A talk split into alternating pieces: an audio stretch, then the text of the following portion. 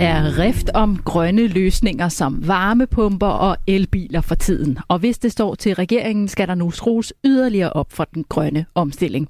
Både af hensyn til klimaet, men også for at gøre os uafhængige af den russiske gas. Men hvad indebærer den hurtigere omstilling for både dig og mig og for virksomhederne? Det tager vi op i selskabet på Radio 4 i dag. I studiet er vores faste erhvervskommentator Jens Christian Hansen, og jeg hedder Stine Lynghardt. Hej Jens Christian. Hej. Har du fået holdt lidt påskeferie? Du har da fået lidt kulør i kinderne? Ja, det har jeg. Jeg har haft besøg af mine to små øh, børnebørn, to piger på 3 og 6 år. Og øh, hvad laver vi med sådan nogle piger? Jamen, du har der tager man tidligt jo, op. der tager man jo på bundegård. Ja. Og jeg kommer jo fra gården. Jeg har jo været vant til at malke og hakke roer og køre møg ud og mu ud i stallen. Og så kommer der så nogle to piger hen og til næsten ikke rører en lille kylling. uh, vi har nu været der, det er oppe, i, uh, oppe ved, ved, ved Kikhavn, oppe ved Hundestedet, en, en, en spændende gård, der hedder Tothaven. Meget afslappet, men der var jo en milliard, en milliard mennesker der. Uh, og så kan man se uh, ungarske uh, pelssvin.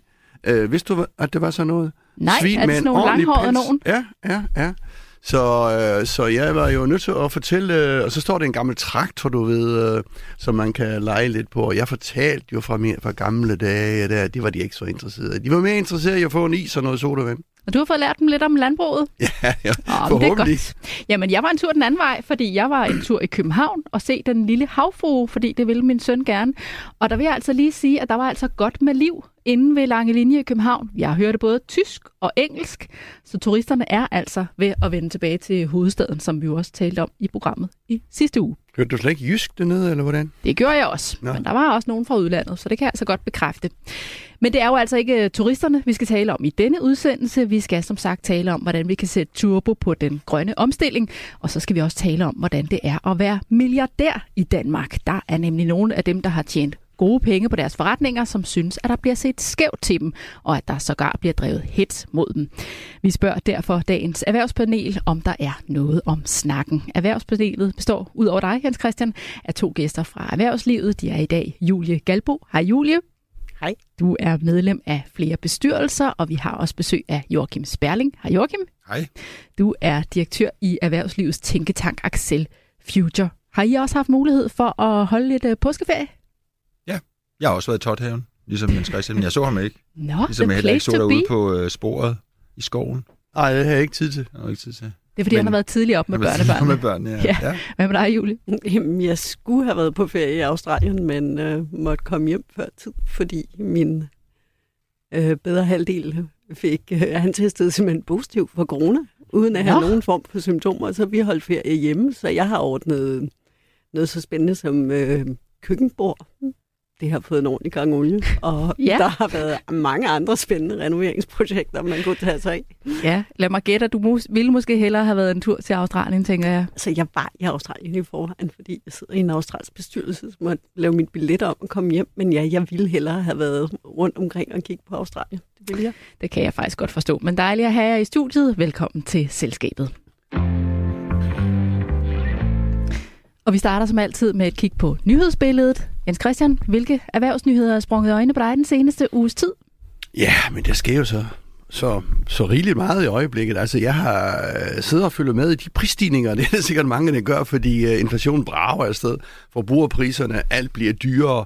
Øh, I vores lille øh, Danmark skal vi nu nok klare det, fordi vi er jo velpolstret sådan finansielt set, så om benzinen stiger 2 kroner, øh, øh, det skal vi nok komme over, i hvert fald på den korte bane.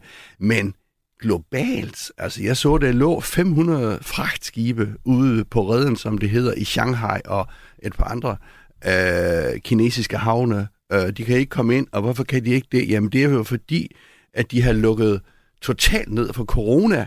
Altså, vi tror jo, corona er forbi og, og borte, men den øh, brager afsted i Kina. Altså, man har en lidt anden øh, holdning til corona i Kina, fordi øh, øh, hvis bare en lille del af befolkningen skal på sygehus, så bryder det helt sammen. Så, så det er meget skarpe, undskyld, det er meget skarpe øh, nedluknings, øh, øh, hvad skal man sige, regimer derovre. Uh, og, og det betyder jo, jamen det betyder jo, at de kan få produceret de varer, og vi efterspørger varer i USA og, og øh, øh, Vesteuropa for fuld skrue, uanset om der er krig og hvad det er. Uh, og så kommer den der mangel på, på varer, og så stiger priserne helt vildt. Og jeg vil sige, altså du siger det her med, at det lige er et par kroner hist og pist, men det er der noget, man begynder at kunne mærke, og vil det så kunne mærkes yderligere, at der så igen også bliver lukket ned i Kina? Jamen det tror jeg altså, man kan vel sige sådan, nu tænker jeg bare på sådan, hvis man skal se det i dansk perspektiv og et globalt perspektiv, så tænker jeg, i det danske perspektiv, skal vi nok klare det. Altså ja, det koster måske nogle ekstra tusind kroner at varme dit hus op, fylde din bil op med benzin osv. osv. Men altså på den store bane, hvis prisstigningerne i USA, der stiger de med 8%, 8,5% på årsbasis i øjeblikket, i Danmark 5, 5,5 eller sådan noget. Det er altså ekstremt meget. Vi skal tilbage til 80'erne for at se sådan noget. Og hvad er det så, det sker? Jamen hvis lønnen ikke følger med, så kommer man jo til at mangle øh, øh noget på sit husholdningsbudget, og i værste fald kan det sagtens øh, resultere i social uro. Uh, mange budgetter rundt omkring i landene hos befolkningen rundt omkring i verden er jo meget strammere end vi velbjergede danskere, så så det er en, en reel fare her, at, at man ikke har styr op over de der prisstigninger. Og det er altså noget, der kan mærkes. Hvad med dig, Julie? Hvad har du fulgt med i? Jamen, nu, nu ramte du noget i mig, fordi en af de ting, vi snakkede om lidt tidligere, det er, at der er jo nogle lande, der har det utrolig godt med det alt det her. Malaysia var ude i dag og sige, jamen det går glimrende, nu har vi en chance for at høvle noget af vores gæld, fordi de her olieprisstigninger, de er rigtig gode for Malaysia. Øh, så der er fremgang i Malaysia, aktiemarkedet stiger, lad os straks putte vores penge i malaysiske aktier. Øh, burde man nok have gjort for et par måneder siden. Men ellers synes jeg, en af de andre ting, hvis vi nu ikke skal snakke covid og ikke skal snakke Ukraine, som man som har slået mig denne her uge, det var en artikel om, at øh, engelske virksomheder i stigende grad er begyndt at etablere sig i EU, fordi de oplever, at ellers har de svært ved at få adgang til det europæiske marked efter Brexit. Og det er jo trist, fordi det betyder i grund og grund, at, alting bliver en lille smule dyrere, en lille smule mindre effektivt for os alle sammen. Hvorfor gør det det, Julie? Det forstår jeg ikke. Altså, hvis, øh, hvis øh, nogle af de store engelske virksomheder, det er det, du siger, ikke? Den britiske virksomhed, hedder det vist, uh, lægger sig i Holland, hvor det, altså, hvorfor bliver det dyrere, at man lægger en kæmpe stor... Altså, den de der til, kritiske de, masse de er vel... til at etablere kontorer i Holland for også at kunne eksportere til EU. Og det betyder en ekstra omkostning for dem, og det betyder, at det hele bliver lidt mindre effektivt, end det var tidligere. Så det viser meget godt, at der er nogle negative konsekvenser af Brexit for britterne. Og for os, i og med at priserne bliver Og for os, fordi priserne stiger på britiske varer. Vi skal også nå over den dig, Joachim. Hvad har du bemærket i nyhedsbilledet? Jamen, jeg bemærkede jo, at øh, Elon Musk, han, efter han købte 9% af Twitter, så øh, har afgivet et købstilbud på hele selskabet. Og øh, det er et købstilbud, han, øh, han, øh, han regner med, øh, ja, det skal koste omkring 300 milliarder kroner øh, at købe Twitter. Det er jo mange penge, og det kan han så faktisk godt øh, have råd til at gøre. Twitter er jo imod det. De er jo skeptiske over for, hvad det er, Elon Musk vil. Han vil gerne have et Twitter, hvor der er meget mere ytringsfrihed. Det er jo sådan med Elon Musk, han har jo fået øh, flere forskellige reprimander for, for nogle af hans øh, ting, han har sagt. Egentlig ikke af Twitter, tror jeg, så meget som at de amerikanske børs myndigheder. Øhm, meget alvorlige. Meget alvorlige. Øhm, øhm, og, og, og hvad vil der ske, hvis sådan en som Elon Musk køber Twitter? Man kan sige, at Mark Zuckerberg kontrollerer jo også Facebook, Meta-koncernen. Så det der med, at en enkelt person ligesom kan dominere et af de der selskaber, som styrer hele den offentlige debat i verden i dag, det er vi jo sådan set vant til. Men det er alligevel lidt mærkeligt, hvis en enkelt person kan overtage et af de selskaber. Jeg tror, man skal arbejde på en model, hvor at det ikke bliver muligt for en enkelt person at kontrollere de der øh, meget, meget vigtige selskaber. De har ligesom en anden form for systemisk samfundsinteresse, som gør, at det vil i hvert fald være en fordel med, mange, med en bred aktionærkreds, øh, og noget mere kontrol med, at, at en ejer for eksempel ikke kan begynde at lave om i algoritmen og sådan noget, når nu vi ved, at den har så stor betydning. Altså Twitter har en kæmpe rolle i forhold til hele den offentlige mening, fordi der er så mange journalister og meningsdannere, som, som orienterer sig mod Twitter. Så jeg synes, det er en, en, en vigtig kamp, som Twitters ledelse og medarbejdere kæmper for at undgå, at Elon Musk, på trods af, at jeg selv synes, at Elon Musk er en på mange måder meget innovativ og spændende erhvervsperson, øh, sådan en, man godt kunne savne nogle gange i Danmark. Det er jo et andet vingefang, de har øh, derovre. Men så synes jeg ikke, at, øh, at det er nogen god idé, hvis han får lov over til Twitter. Men øh, Joachim, må jeg lige spørge dig, hvad tror du, øh, Musk er drevet af? Fordi man kan jo sige, at Tesla er vel drevet af en markedsmæssig øh, styring. Øh, tænker du, at han måske vil gå ind på Twitter og påvirke det, så det bliver ikke så meget en markedsmæssig, mere en politisk holdningsmæssig øh, øh, ud fra hans egne synspunkter. Tænker du, det er sådan noget? Ja, det, det, det er svært at sige. Altså, nu har, han, nu har han primært fokuseret på sig selv. Altså, det vil sige, at han er jo egoman. Han er jo meget optaget af, hvad han selv hans egen behov. Og han har så oplevet, at hans egen behov ikke blev fuldt ud tilfredsstillet. Han har 82 millioner følgere på Twitter, så det er meget vigtigt for ham, at det her det fungerer godt. Øhm, og, øh, og han har også mulighederne for at, at købe det. Hvad der er hans plan med det, det, er jo, det kan jeg ikke svare på. Han er jo en person, som, som er helt uforudsigelige. Altså, han har, jo, øh, han har jo gennemført projekter ude i rummet. Han har sit eget rumprogram. Han, øh, han vil etablere en meget avanceret øh, togbane mellem San Francisco og Los Angeles, som kan, som kan øge øh, mængden af, af altså transportmængden, transportarbejdet mellem de to byer, som i dag er lidt, lidt vanskeligt. Han, han kan en masse ting. Her tror jeg måske, at man skal sige, at det, det er nok ikke nogen god idé. Det bliver spændende at se, hvor det lander. Tak for ugens nyhedsoverblik.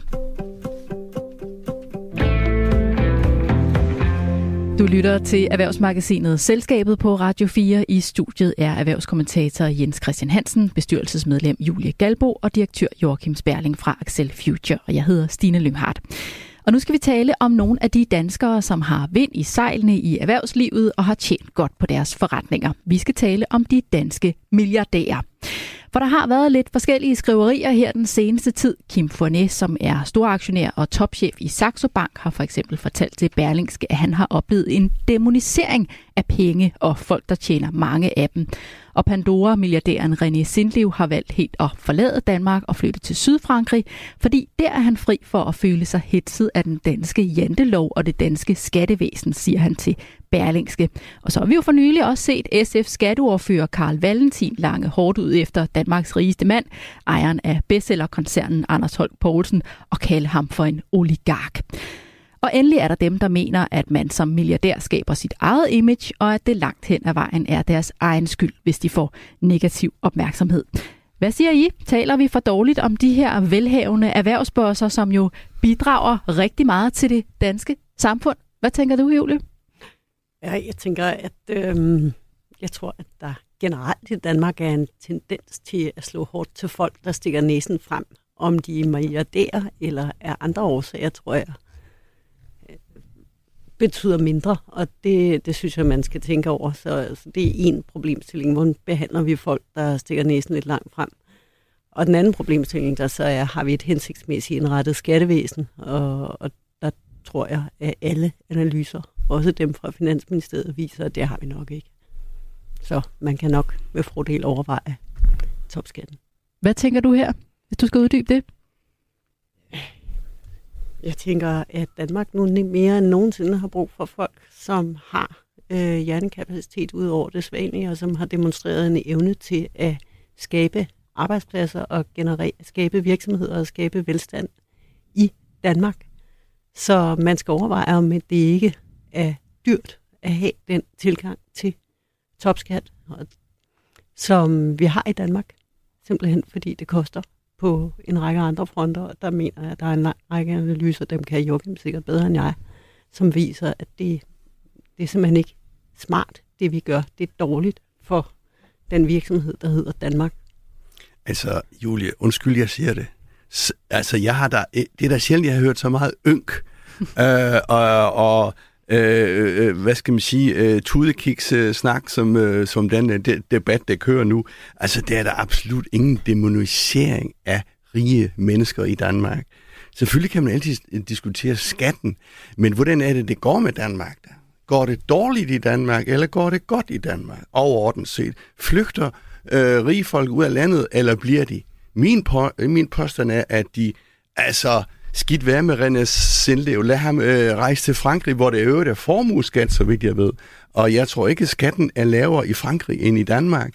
Men øh, det er da fantastisk at være rig i Danmark. Altså, hvor mange rige har vi ikke? Vi har jo milliardærer i, i hundredvis. Vi har rigtig rige mennesker, der har 2, 3, 4, 5, 6, 700 millioner. Prøv at sige på hele liebhaverboligmarkedet, hvorfor er det eksploderet? Fordi vi har mange rige mennesker, Hvorfor har vi det? Fordi det er sindssygt godt at starte virksomhed i Danmark. Saxo Bank, Kim Fornet, fantastisk. Øh, 2500 medarbejdere. Jamen hallo, hvor har de skabt deres øh, penge? Det har de gjort ved at være etableret i Danmark. Men spørgsmålet er, kunne vi gøre det endnu bedre? Jo, jo, det kan man er selvfølgelig der nogle altid ting, sige. der er men- godt? Ja, det er der.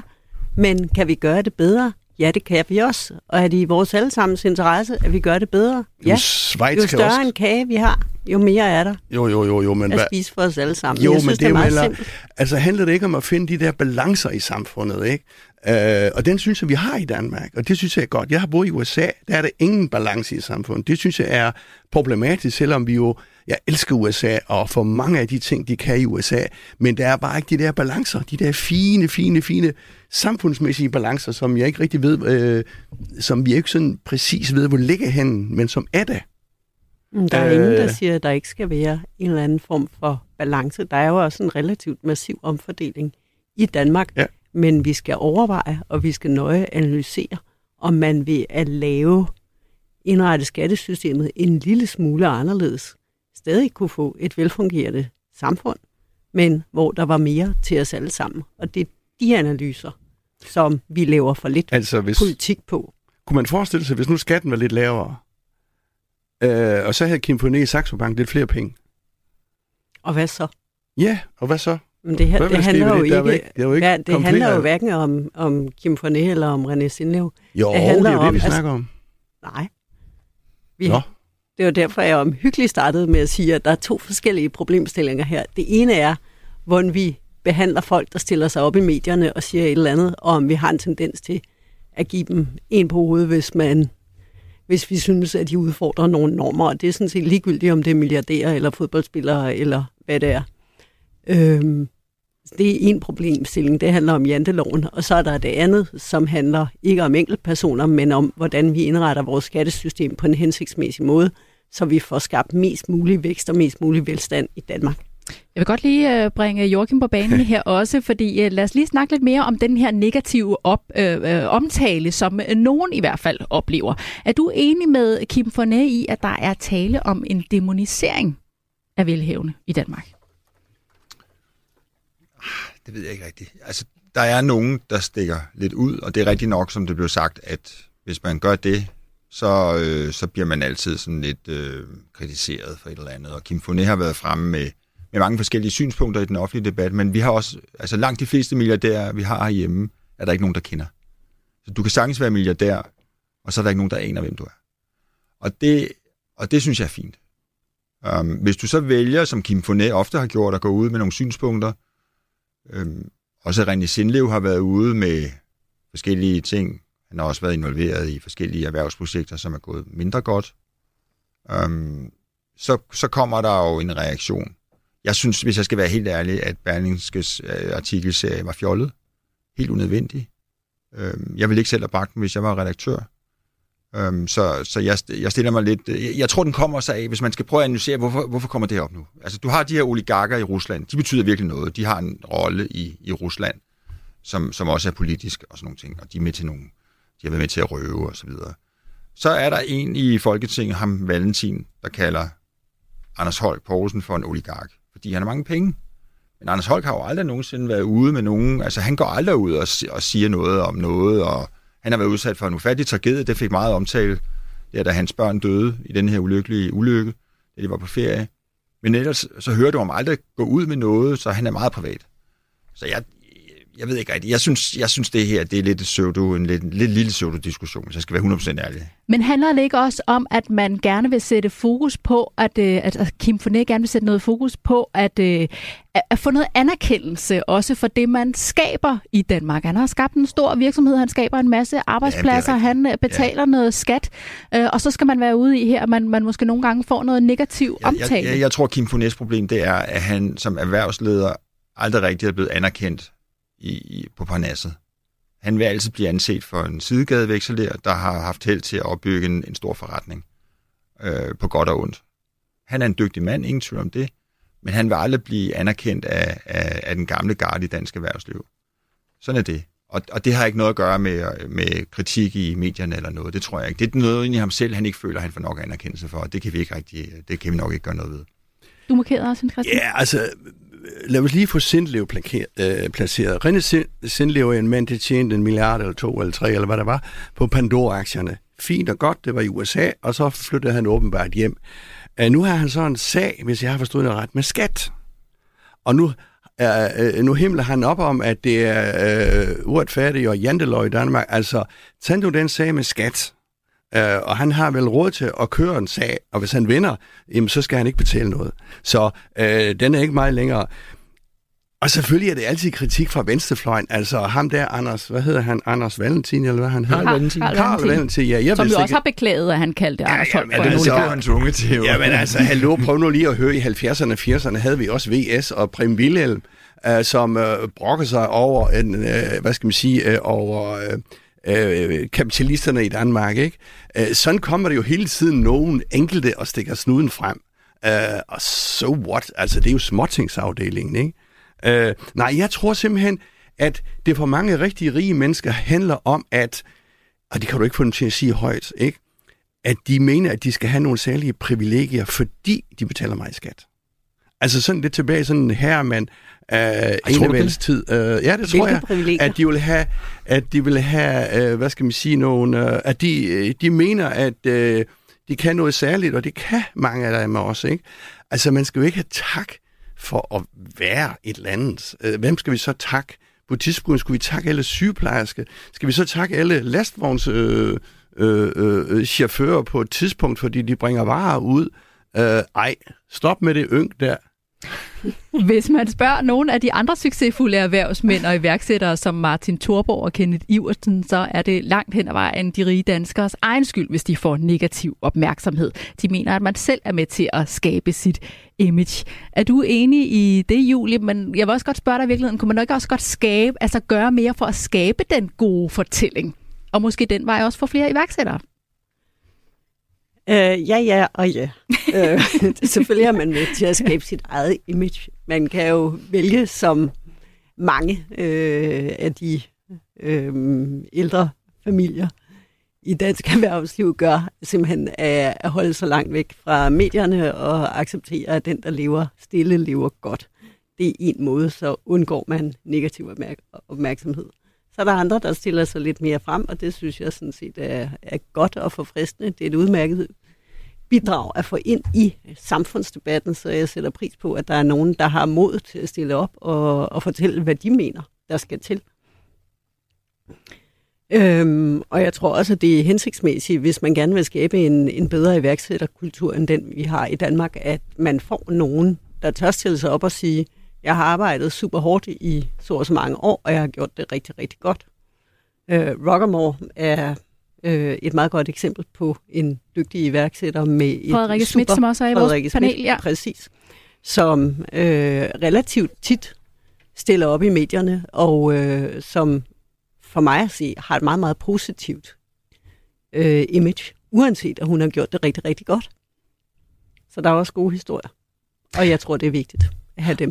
Og Jens Christian, vi har jo sådan set også tit talt om det her med, at det kan være svært at få de her store erhvervsbosser til at stille sig frem og være en del af samfundsdebatten. Og kan man ikke også tænke, at der måske er nogen, der afholder sig fra det, hvis man får et rap over nallerne ved at komme ud og jo. være offentlig? Jo, det kan da godt ske, men så må det være sådan. Altså alt talt, ikke? Altså politikere, jeg har meget mere respekt for politikere, det er nogle mennesker, som knokler for os øh, alle sammen øh, til en ganske øh, øh, lav løn, når man tænker på, hvor meget de er på. De stiller sig også i klaskehøjde, øh, skal jeg lige hilse at sige.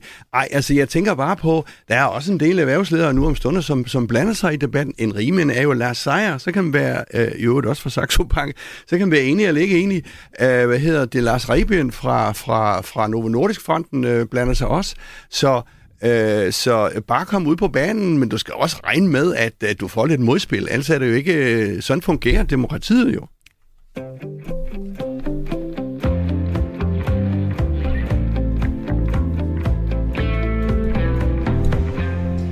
lytter til Erhvervsmagasinet Selskabet på Radio 4. Vi dykker ned i ugens store erhvervshistorier og analyserer og debatterer med vores gæster fra erhvervslivet. Vi har netop talt om den negative omtale, som nogle af Danmarks rigeste oplever, og om lidt skal vi tale om, hvordan der kan sættes turbo på den grønne omstilling.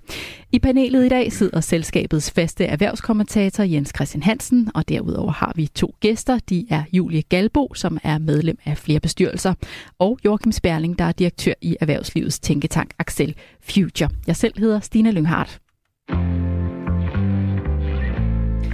Og nu skal vi til ugens erhvervsquiz, og vi quizzer igen i dag efter de nye regler. Og det er, at i stedet for at spille alle mod alle, så spiller vi nu gæsterne mod erhvervskommentatoren. Vi tæller point hver uge frem til sommerferien, og lige nu, der er stillingen faktisk uafgjort. Det står nemlig 2-2, så der er altså mulighed for at komme i front, hvis man gætter rigtigt. Og apropos milliardærerne, som vi talte om i første del af programmet, så skal vi i dagens quiz se nærmere på, hvilke lange videregående uddannelser, der udløser den højeste løncheck ude på arbejdsmarkedet. Tænketanken Cepos har beregnet gennemsnitsindkomsten for 187 lange videregående uddannelser, og I skal gætte, hvilke uddannelser man tjener mest med. Det gælder om at nævne bare en af kandidatuddannelserne i top 10, og man vinder selvfølgelig, hvis man vælger en uddannelse, som ligger højere på listen end den, som modstanderen har peget på. Hvor står I reglerne? Mm. I ser lidt spørgende ud. Ja. Må vi godt konferere? Det må I nemlig gerne, Julie og Joachim. I må, I må gerne tale sammen, inden I vælger. Uh, der er 10 at vælge imellem. Der er 10 i, i, i top 10, om man så Må må man sige. begynde at sige noget? Eller hvad? Hvilke overvejelser gør I? Ja, du må da gerne uh, gøre dine overvejelser. Jamen, ja. jeg tror, altså, skal man bare sige en i top 10? Yes, og den, der kommer højest, vinder så, Nå, ikke? så. Jamen, jeg tror, at den der eksaminerede, øh, hvad pokker hedder sådan noget, Aktuar. revisor, ja, aktuar aktuaruddannelsen. den, jeg sad og øh, ville konferere med dig om. Ja. ja, Okay, jamen skal vi lige høre, uh, Jens Christian, hvorfor er det dem, du gør dig overvejelser omkring? Du siger aktuar og Ja. revisor. ja, fordi det er øh, dem, som øh, øh, bliver, det er størst efterspørgsel efter. Altså, øh, specielt de aktuarer, der er i jeg forsikringsselskaberne. kun lavet 20 Altså, I forhold til udbuddet, så ja. Ja. Men altså ikke. Er rigtigt. Og hvad siger du, Julie, det er i forhold til udbuddet af dem? Jeg mener ikke, at aktuar er helt i top, men der bliver produceret ret få, og de plejer at ligge på nummer 2-3 stykker. Mm. Det er noget med, at de måler det efter syv år. Jeg tror faktisk, at aktuar er i top. Jeg tror, det er den, der Den er giver højst, top den 10. højeste Mhm. indsigt. Julie mente ikke, at den lå i top. I må gerne snakke med hinanden om, hvad I tænker. Så Øh, skal vi det. Det er kan vi fint ikke? mig. Vi er på aktuar. Du tager aktuar, I tager aktuar, gæsterne tager aktuar. jeg er klart aktuar, men skulle vi ikke nævne flere? Og I skulle faktisk bare komme med et bud hver. I må godt, hvis I begge alle sammen ender på aktuar, så må I gerne ende på det alle sammen. Så får I jo bare point, hvis I gæ- gætter rigtigt, og ellers er der bare ikke nogen, der vinder jo. Jamen, så tror jeg, jeg bliver der. Du bliver også på aktuar. Journalister er ikke så højt lønnet. Jamen altså, I rammer hovedet lige på sømmet. Det er aktuar. Ja. Og for at det ikke skal være løgn, så lå revisor faktisk på andenpladsen. Som aktuar tjener man 1.261.700 kroner. Revisor tjener 1.151.000. Nu skal jeg nok lade være med at nævne dem alle sammen. Men altså nogle af dem, der ligger højt, det er statsvidenskab, det er økonomi, medicin, jura, erhvervsøkonomi og matematik, øh, farmaci, erhvervsøkonomi. Og i bunden af listen ligger uddannelser inden for sådan noget som musik, billedkunst og kultur, skriver Berlingske. Er I overrasket over top og bund? Det er I nok ikke, når I rammer den. Så klart. Hvad siger du, Nej, Julie? jeg har Du ikke på. øh, Ja. været sådan i en del år, tror jeg nok, sådan øh, nogenlunde strukturelt og ingeniører, jeg ved ikke, om du også nævnt dem, øh, og det kommer også, som, øh, som Joachim siger, altså hvornår kigger du, er det øh, sådan, når de lige bliver ansat, eller er efter 10 år, øh, og hvor hurtigt stiger du i graderne, øh, i løngraderne derude øh, på øh, arbejdspladserne. Altså, der er jo mange fag, hvor du stort set ikke stiger i løn hen over en tid. Altså, du får selvfølgelig lidt stigninger. Og så er der andre fag, hvor du kan stige meget voldsomt øh, i løn, når du først kommer ud på arbejdsmarkedet. Ikke? Og så er der nogen, der bare vinder på, at de er i gang med at arbejde fra de er relativt unge. Og som derfor kan opbevæge, opbevæge en relativt høj også det. Hvor meget tror du egentlig, Joachim, at lønnen betyder for unges valg af uddannelse i dag?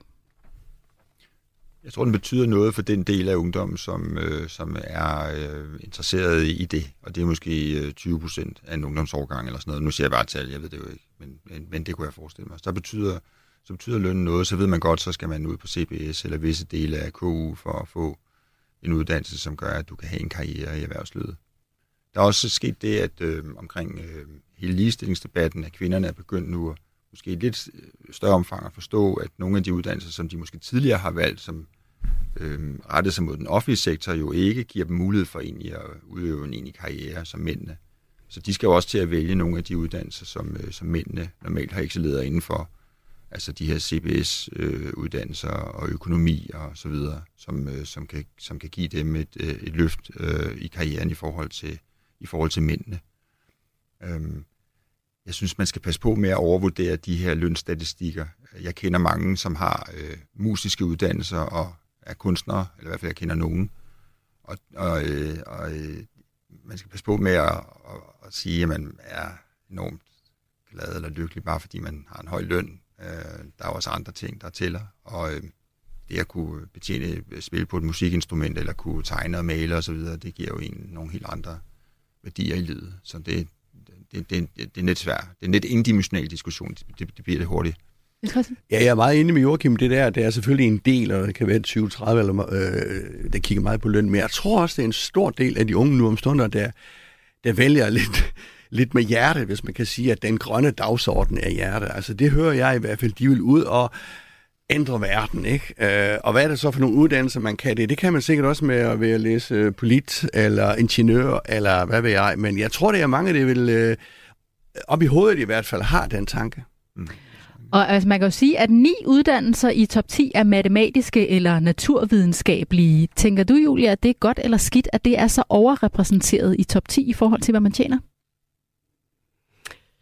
Øh, hvis man gerne vil have, at folk kaster sig over de naturvidenskabelige uddannelser, så er det udmærket, af, at man understøtter det ved en fornuftig indtjening i de uddannelser. Men, men jeg har den samme opfattelse som de andre, og jeg har børn, der er i gang med at vælge den slags, eller lige har valgt uddannelse. Og, Spiller løn overhovedet ind der? Nej. Nej. Det er ret simpelt. Det er, hvad de interesserer sig for. Det er mit indtryk, at det, det er det samme med deres venner. Hmm. Så det, det er det. det er, hvad har vi synes var sjovt øhm, i gymnasiet? Hvad har vi synes var sjovt tidligere? Men synes du, Joachim, at der er, er for stor forskel på top og bund i forhold til, hvad man tjener? Nej, det ved jeg ikke, om jeg synes, øh, der er generelt i Danmark. Jeg, jeg synes, det ser meget lavt ud, det som en musiker eller en kunstner tjener. De har, de har perioder, hvor de ikke tjener ret meget, og det er en udsat position at være i, og det vælger man virkelig med hjertet. Øh, så er der jo nogle kunstnere, der tjener rigtig, rigtig godt, og så er der andre, der har måske været en lidt for stor der har måske været en tendens til, at man har taget lidt for mange ind på uddannelser, som i virkeligheden ikke havde nogen særlige øh, øh, ind, altså perspektiver, hvad angår indtjening. Så, så der, der må man nok se på, om man har optaget for mange på nogle uddannelser, som i virkeligheden ikke gør det muligt for folk at oparbejde en normal indkomst, som gør, at du kan leve... Et, altså du, der er et vis minimumskrav. Du, du, skal, du skal have et vis, en vis sum penge for at kunne have en bolig og sørge for dine børn og sådan nogle ting. Og det, og det har man jo ikke, hvis man er så langt nede som 250.000, eller hvor meget det var. Så der skal man jo have mere. Men generelt så egentlig, det handler jo om, at man vælger noget, som man interesserer sig for, som man synes er sjovt, ellers bliver man heller ikke god til det. Så det bliver man bare nødt til at fokusere på først og fremmest. At det her det er noget, jeg synes er interessant, fordi du kommer aldrig til at tjene 1,3 millioner, eller, eller hvor meget det er, hvis ikke du synes, det er interessant og sjovt og udviklende, så bliver det jo bare en, en pine for dig, ikke? Det var ugens quiz, og det står altså stadig uafgjort. Nu står det bare 3-3.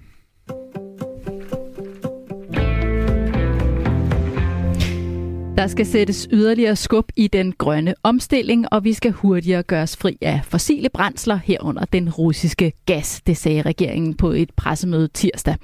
Ifølge planen skal private gas- og oliefyr udskiftes hurtigere, og der skal produceres mere grøn strøm og biogas. Og senest i 2030 skal Danmark være helt uafhængig af naturgas. Men inden da skal produktionen af naturgas i Nordsøen midlertidigt sættes i vejret for at erstatte den russiske gas. Hvad siger I til udmeldingen fra regeringen? Er det den rigtige vej at gå, Jens Christian? Jamen, det er der ingen tvivl om. Øh, altså, øh, der er jo en masse politik i det her, selvfølgelig. Det, det er politikere med ud. Og det er jo også en masse symbolpolitik. Jeg tænker bare på, at regeringen, Socialdemokraterne, fik tæsk øh, ved det sidste, øh, hvad det, det var det sidste, øh, øh, hvad hedder det, øh, kommunalvalg øh, i de fire store byer af de unge. Og det her appellerer vel øh, til unge øh, vælgere Øh, ikke fordi jeg synes, det er dårligt, og, og, hvis det er unge vælgere, der vil have det, jamen så må man også øh, give det, man efterspørger. Og så er det jo også det der med en krise. Øh, nu har vi Ukraine-krisen, og vi blander det hele sammen. Altså, som øh, en klog mand engang sagde, man skal ikke lade en god, øh, god krise gå tabt. Altså, Mette Frederiksen, hun står jo i en position her, hvor hun øh, står ekstremt stærkt. Øh, ikke? Altså, øh, hun er den store mor, øh, der ligesom klarer det hele for os, øh, ligesom under coronaen. Øh, det er ikke alle sammen, der har det øh, billede af hende. Øh, der er også mange, der er kritiske. Men alt andet lige kan regeringen, øh, hvad skal man sige, øh, Øh, øh, de kan tage en masse point hjem her øh, på det. Det kan, skal vi måske vende tilbage til selve indholdet, men altså visionen er jo rigtig. Vi skal jo øh, gøre os uafhængige af russisk gas, vi skal nedbringe de fossile, brugen af de fossile brændstoffer, og vi skal have mere grøn energi. Hvordan vi så kommer det hen, øh, og konkrete tiltag, det er så det andet store spørgsmål, som jeg jo ikke synes er så mange svar på endnu. Men lad os bare gå lidt mere ind i indholdet, fordi regeringen vil firedoble produktionen af grøn strøm fra solceller og vindmøller på land frem mod 2030, og samtidig skal gassen altså helt udfases. Hvad vil det her indebære for virksomhederne, Joachim? Jamen, der er en del virksomheder, som, som øh, bruger gas i dag i deres øh, processer, når de skal varme ting op. Øhm, og det kan være mange forskellige ting. Det er inden for, for farma, inden for fødevare, og andre, øh, selvfølgelig øh, den kendteste, vi har, det er jo øh, Aalborg Portland. Øhm, og, og de skal jo bruge øh, varmegrader over 1000, altså over 1000 grader, og det kan du ikke elektrificere. Så der er nogle af dem, som, som du faktisk ikke rigtig kan gøre noget ved lige nu. Det gælder også sukkerfabrikkerne i øvrigt. Men så er der en hel række andre virksomheder, som står i en situation, hvor de skal foretage nogle ret omfattende investeringer, og hvor der skal være en anden form for fornuftig øh, tilbagebetalingstid på den investering. Og normalt så siger man, en 2-3 år, det er maks for sådan en type investering, og hvis ikke det har betalt sig selv hjem der, så, øh, så vil vi ikke gøre det. Så de står lidt i sådan en, øh, et limbo lige nu. De ved godt, der kommer grønne afgifter på et eller andet tidspunkt. Øh, regeringen skulle vist nok i morgen komme med et udspil på det, og øh, så må vi se, hvor, hvor, hvor høje de bliver. Så ved virksomhederne, hvad de har at holde sig til, om de skal foretage de investeringer. Og det vil mange gøre. Jeg håber ikke, at alle vil gøre det på samme tid, for så får du også nogle problemer med, øh, med, med forsyningerne. Altså alle kan ikke gøre det, det hele på samme tid. Vel? Men, men det vil ske over en forhåbentlig øh, kortere periode, at vi på den måde kan få reduceret øh, øh, gasefterspørgselen, og vi også kan gøre, at vi ikke bliver alt for udsatte, når sådan nogle kriser opstår. Tænk, hvis der blev fuldstændig lukket for gassen, så ville vi være, så ville vi være på den, ikke? navnlig øh, også syd for grænsen. Øh, så har vi så forbrugerne. Der er jo 400.000 husstande i Danmark som bliver varmet op øh, ved gas. Og øh, det skal de jo stoppe med så hurtigt, de overhovedet kan. Men at forestille sig, at der kommer fjernvarme i løbet af de næste 6 måneder, det er helt urealistisk. Så det bliver jo, hvis vi, hvis vi er heldige, tror jeg, inden 2030 har vi fået faset gassen ud af de danske husholdninger. Der er nogen, der siger 2028, men man skal jo grave øh, rør ned i jorden og have det ført ind i husene, og det er jo meget, meget store gravearbejder. Så skal der også planlægges, men nogle steder der ved man faktisk ikke, om fjernvarme er det rigtige. Det kan være, der skal elektriske varmepumper ind i stedet for. Øhm, så, så, så det er nogle store beslutninger. Jeg så faktisk lige Dragjørs borgmester, han har været ude at sige, at øh, det er egentlig lidt paradoxalt, at man indtil 2020 anbefalede konvertering til gasopvarmning i kommunen, og nu kommer man så og siger, at nu skal de lave hele måde om, ikke? Og, øh, og, og hvor skal de få det fra, sådan nogle ting. Ikke? Det, det er store investeringer, det kommer til at koste temmelig mange penge, også for den enkelte forbruger. Det her, det bliver, det bliver, en, dyr, det bliver en dyr omgang. Hvad tænker du, Julie, at der er af bump på vejen her? Fordi det er jo også øh, en stor omstilling, der skal i gang. Altså, vi ser jo allerede, at der er jo kæmpe efterspørgsel på varmepumper blandt danskerne. De kimer jo allerede øh, producenterne ned her, øh, og så er der, jo, er der jo hele erhvervslivet også. Altså, hvordan skal vi overhovedet kunne gøre det på kort tid? Jamen, det kan man jo heller ikke, og, og fjernvarme i sig selv er jo ikke nødvendigvis løsningen. Fjernvarme er jo ikke varme, der opstår spontant et eller andet mærkeligt sted i, på vej fra Jylland til Sjælland, eller den anden vej. Fjernvarmen bliver lavet i dag af gas, blandt andet. Så medmindre man giver sig til at omstille produktionen af fjernvarme til noget, der er mere grønt, så, så det er ikke noget, der gør ting grønt i sig selv. Det betyder bare, at forbrugeren mister en valgmulighed det er, hvad det er, så får man noget øh, centralt styring af varmeforsyningen. Jeg synes, at visionen om mere grøn energi er udmærket. Der er ingen tvivl om, at øh, på den korte bane, der er det rigtig svært. Dels er det svært, fordi at det der er grænser for, hvor meget sol man kan producere i Danmark. Det er fordi, at det regner rigtig meget, eller gråvejr, så meget skinner solen desværre heller ikke. Og så er der også grænser for, hvor meget vandbas eller landbaseret vind man kan producere, og det tager rigtig lang tid at lave vandbaseret vind, alle de her energiøer, vi snakker om. Det er en rigtig god idé, men de er der bare ikke endnu. Så der skal investeres relativt hæftigt, og det man kan gøre på den korte bane, det er at øh, træffe nogle virkelig heroiske politiske beslutninger, som betyder, at der skal sættes rigtig mange vindmøller op i Vestdanmark, fordi man er nødt til at kigge efter de steder, hvor det faktisk blæser mest, hvis man skal gøre det på en nogenlunde effektiv måde. Og det er ikke populært. Så jeg er meget spændt på at se, hvordan øh, alle kommunerne, hvordan alle borgmestrene øh, vil reagere på det her.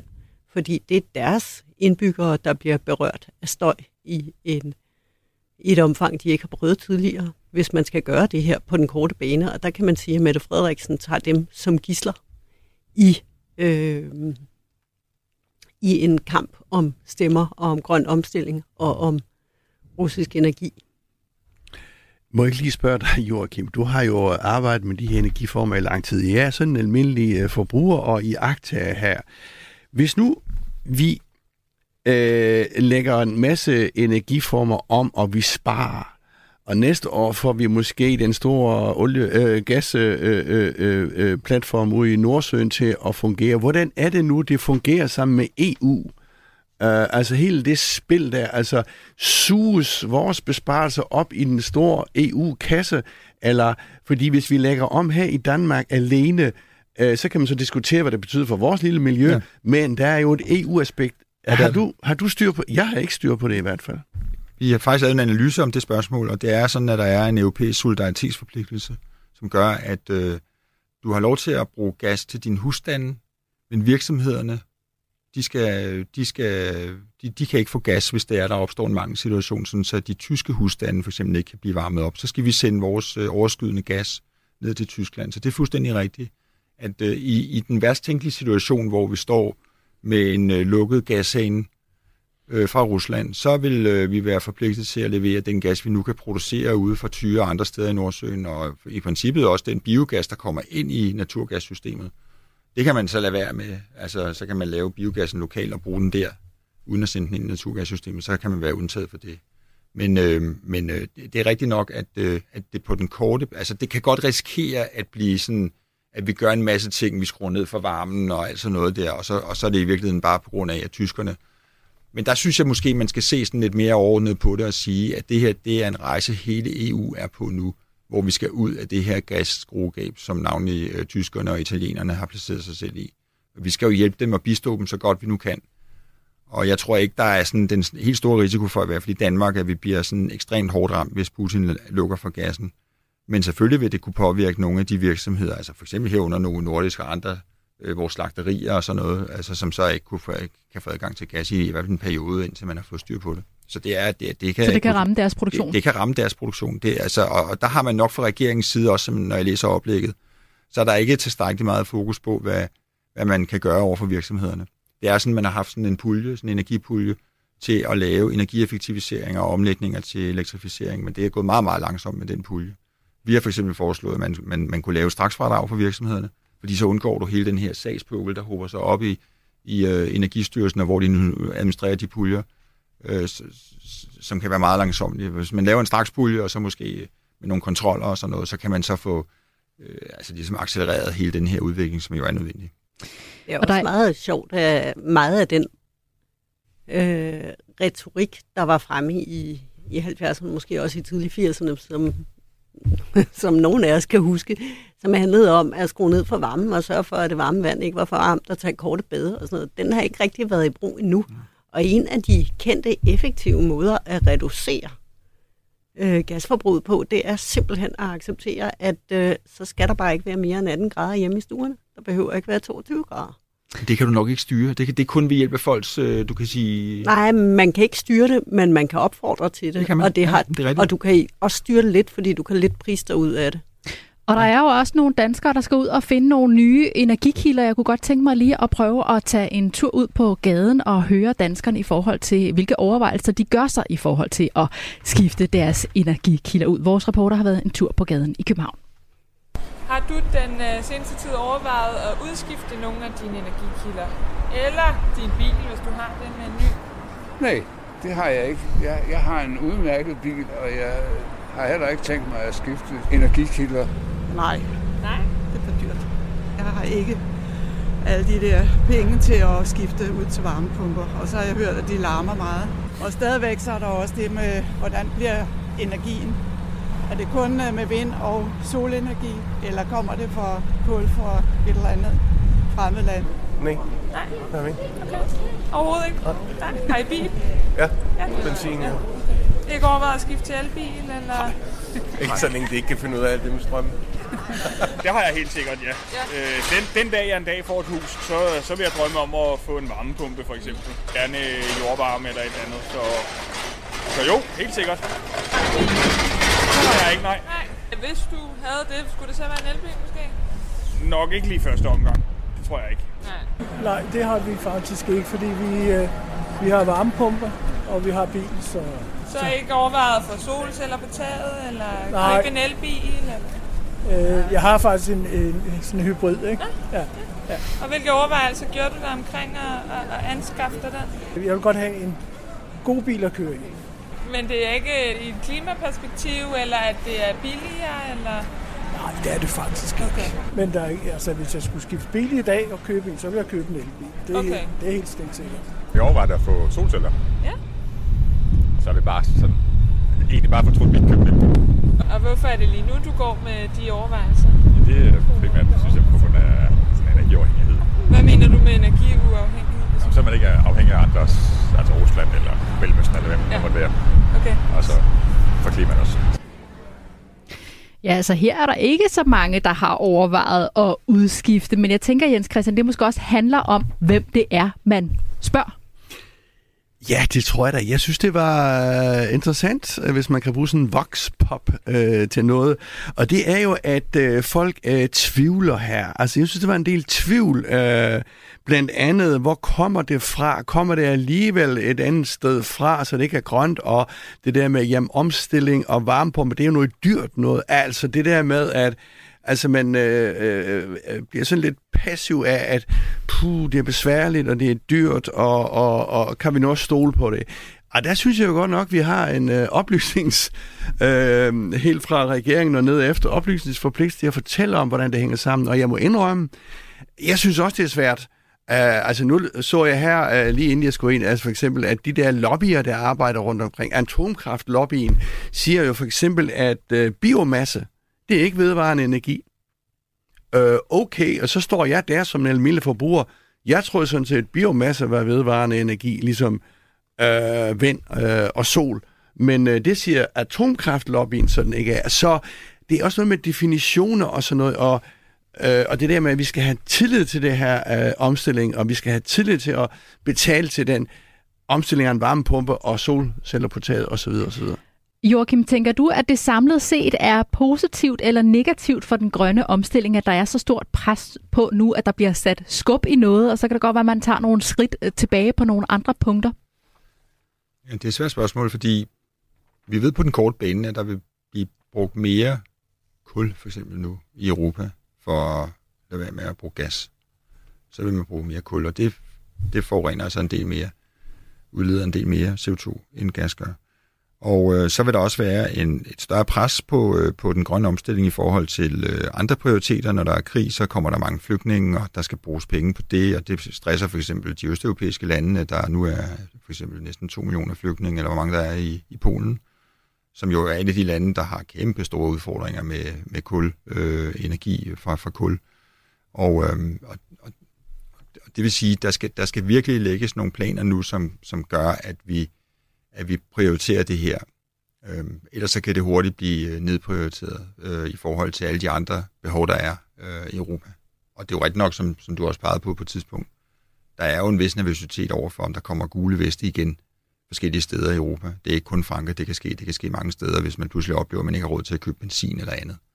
Og den grønne omstilling, den bliver jo mest effektiv, hvis man beskatter det, der er fossilt, og ligesom lemper det, der ikke er fossilt. Og der, at, at de bæredygtige energikilder jo stadigvæk er væsentligt dyrere end de fossile, så vil det jo også stresse dem, som ikke har ret mange penge i dag. Altså vi hørte jo også i den her voxpop, jamen folk har da ikke råd til øh, en varmepumpe, eller de har da ikke tænkt sig at skifte deres benzinbil ud, men det er jo fordi, det koster mange penge. Og, øhm, og derfor så bliver det ja, dyrt for dem. Ikke? Vi runder emnet af her. Regeringen præsenterer onsdag sit forslag til en grøn skattereform, som blandt andet handler om, at virksomheder, der belaster klimaet, selv skal betale for udledningen. Vi er nået til vejs ende i selskabet i dag. Tak til vores gæster, Julie Galbo, professionel bestyrelsesmedlem, og Joachim Sperling, direktør i Erhvervslivets Tænketank Axel Future. Jens Christian, vi ses igen på næste onsdag. Programmet her var produceret af Beam Audio Agency for Radio 4. Tak fordi du lyttede med.